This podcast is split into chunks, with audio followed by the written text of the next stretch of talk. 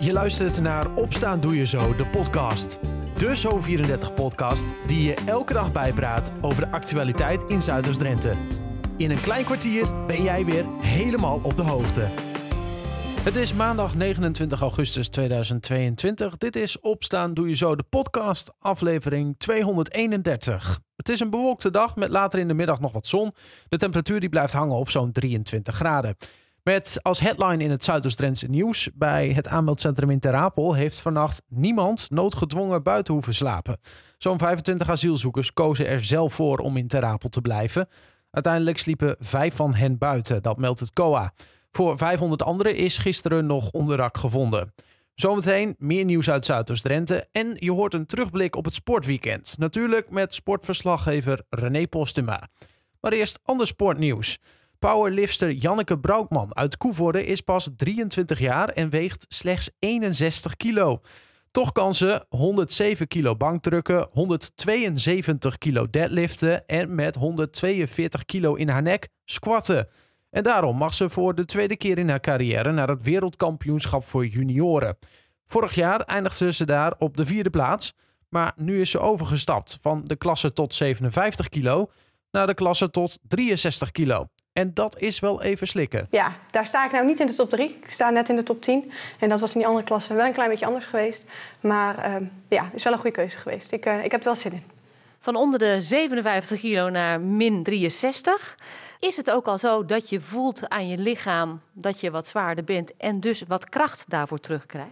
Ja, ja ik denk dat ik dat echt wel zo één op één kan, uh, kan stellen. Um, als je wil afvallen moet je natuurlijk minder eten. Je moet daar echt continu in de gaten houden. Ik moest zelfs een klein beetje meer bewegen er ook nog bij. Wat je dan krijgt is dat je eigenlijk continu in energietekort zit. Ja, dat merk je wel in je training, want je komt letterlijk energietekort.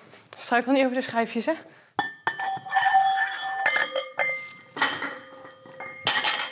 Was het een lastige keuze. Want uh, ja, je was de topper van de onder 57. En uh, bij 63 begin je een beetje weer opnieuw, hè? Ja, zo voelt dat wel. Ja, ja nee, het was absoluut heel lastig. Uh, maar het is wel een keuze die ik gemaakt heb, ook met oog op lange termijn.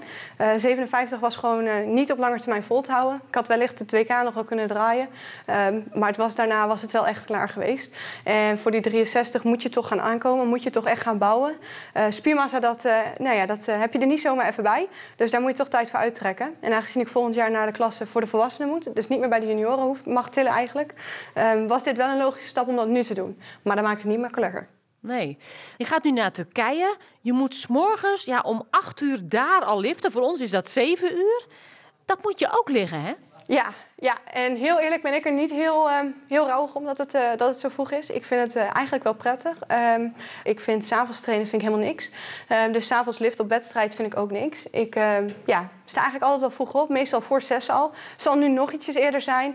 Maar dat ene extra uurtje, dat denk ik niet dat het heel veel invloed heeft. Wanneer ben je eigenlijk tevreden? Nieuwe klasse? nieuwe concurrentie? je kunt al een beetje zien wat iedereen kan. Maar wanneer ben jij zelf tevreden? Um, voor mijzelf zou het um, ja, voor deze wedstrijd specifiek zijn dat ik uh, over het 415 totaal heen kan. En uh, ik vind dat altijd een beetje cliché klinken, maar ook om daar gewoon echt plezier te hebben van de dag. Om te kunnen genieten en me heel bewust te zijn van het feit dat dit misschien nog wel weer een paar jaar duurt. Of misschien zelfs helemaal nooit meer gaat plaatsvinden dat ik op dat WK sta. En dan doen we er weer een bij. Aldus Janneke Broukman in gesprek met sportverslaggeefster Karin Mulder. En het streven van 450 kilogram waar ze het over heeft, dat zijn dan de gewichten van het squatten, het bankdrukken en het deadliften bij elkaar opgeteld.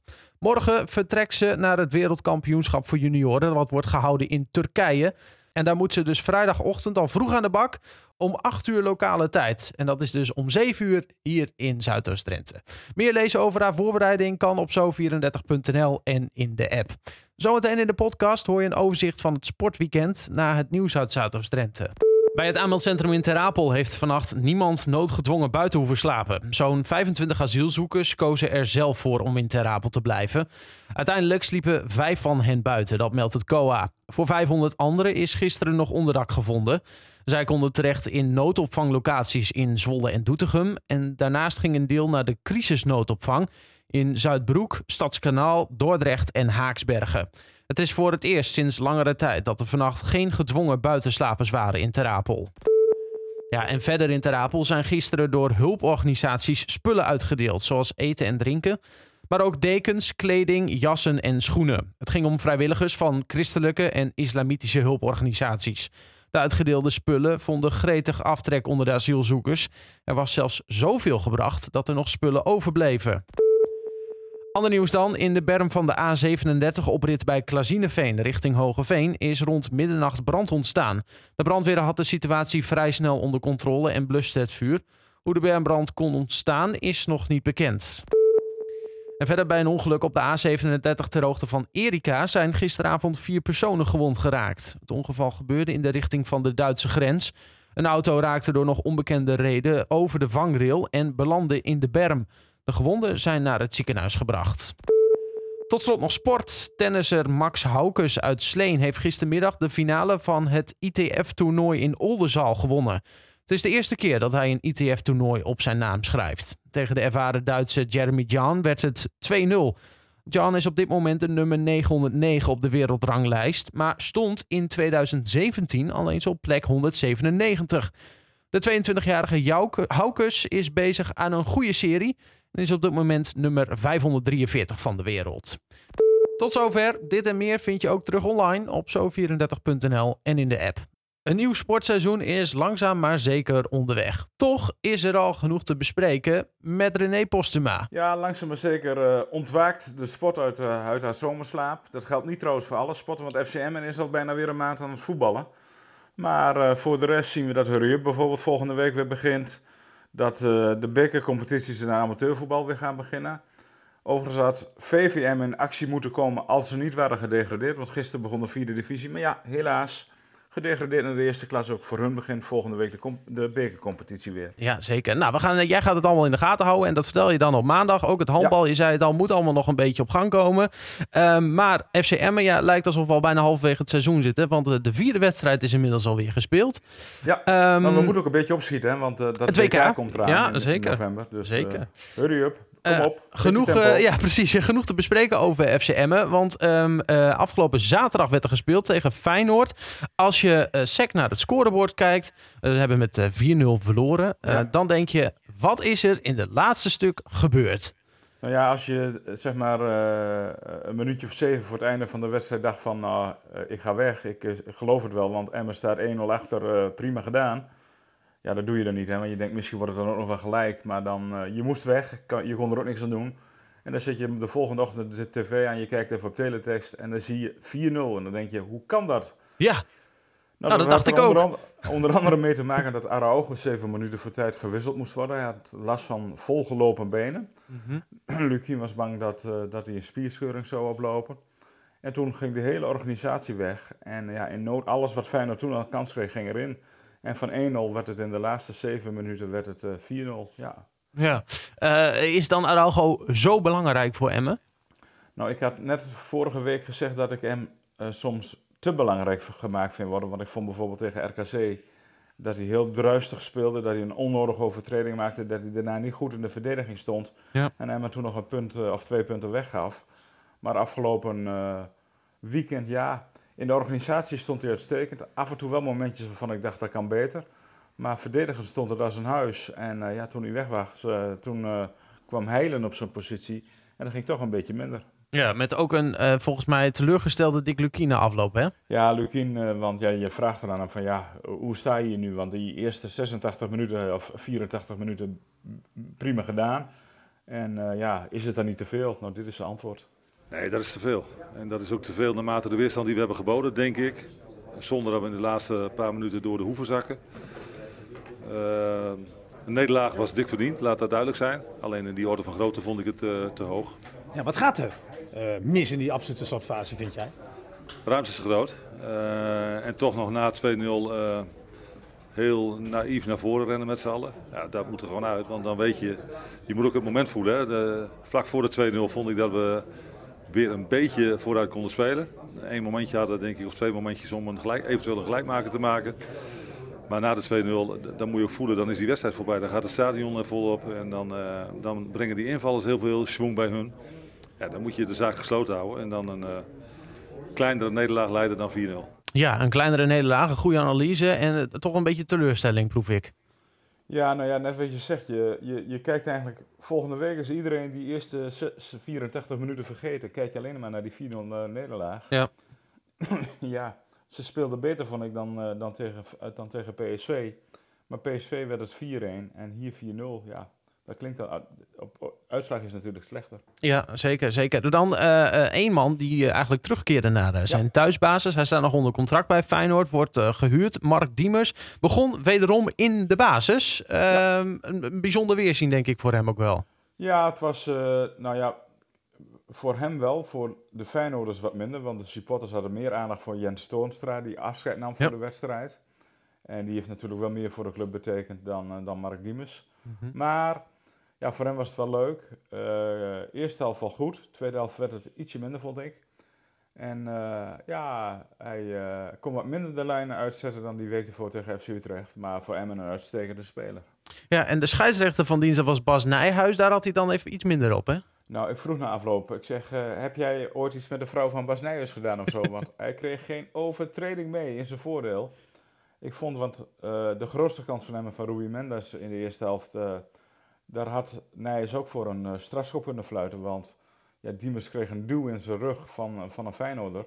Daardoor viel hij over eh Sivkovic heen. Maar ja, dat had hij niet gedaan als hij die duw niet had gehad. Maar daar floot hij voor. Een paar keer een tackle op zijn benen. Doorspelen, niks aan de hand.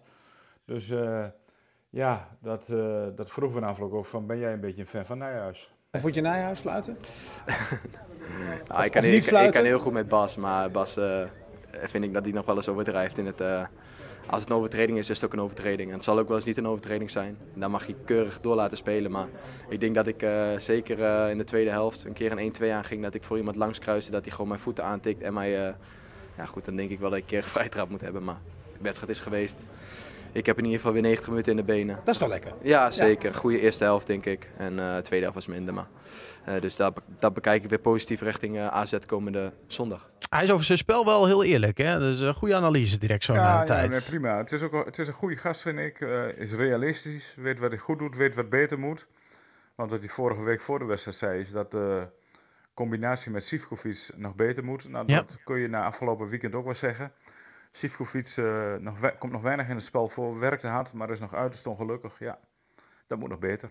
Eh, tot slot, ja, eh, 4-0 staat er op het bord. Dat betekent dat er niet gescoord is. Toch waren er wel überhaupt een beetje kansen? Ja, Emmen heeft eh, één grote kans gehad, een paar kleinere kansjes. En met name die van Ruby Mendes, eh, nou na 26 minuten spelen, ja, die had erin gemoeten. Eh, hij kwam, kreeg de bal vrijstaand aan de rechterkant, een beetje rechts van het, eh, van het midden in, de- in het strafschopgebied op een metertje of zeven. Ja, hij drukt af en ja, raakt volgens mij nog het zijnet. Maar ja, iemand met zijn kwaliteiten en met zijn traptechniek, ja, zo'n bal moet gewoon tussen de palen. En ja, wat, wat als hij gescoord had? Yeah, uh, probably yes. I think if I score it, then uh, it's another game. It's always like that. Um, yeah. Uh, unlucky, I wasn't uh, expecting the ball uh, in my feet, but yeah. Then of course I just had to have to hit the target at least. Um, but yeah, I failed.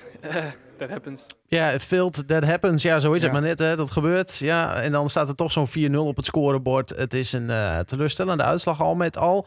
Ehm, en volgende week eh, gaat het denk ik niet makkelijker worden.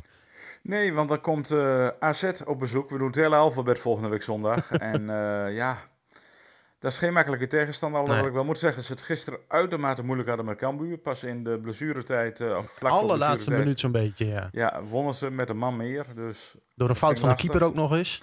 ja, die had hij mo- mogen hebben. Moeten hebben zelfs. Dus ja, eh, we gaan het zien volgende week. Ze zijn niet kansloos, maar het wordt niet makkelijk. Vier wedstrijden gespeeld nu. Vier punten in eh, de tas, de dertiende positie. Eh, het ziet er op zich nog wel redelijk uit. Want die grote ploegen, laten we eerlijk zijn, daar eh, rekenen we niet op punten van tevoren. Nee, als je PSV, Feyenoord en FC Utrecht hebt gehad en je hebt vier punten uit vier wedstrijden, dan doe je het niet slecht hoor. Ja, zondag staat AZ dan op het programma. En men speelt dan thuis om half drie. Die wedstrijd is dan gewoon live te volgen in Zo34 Sport. En maandag hoor je dan een nieuw sportoverzicht. Dat hoor je als eerste in Opstaan Doe Je Zo. Live op Zo34 Radio. Rond kwart over acht. Ook dan hoor je René gewoon weer. Tot zover Opstaan Doe Je Zo. De podcast van maandag 29 augustus 2022. Ik wens je een fijne dag en graag tot morgen.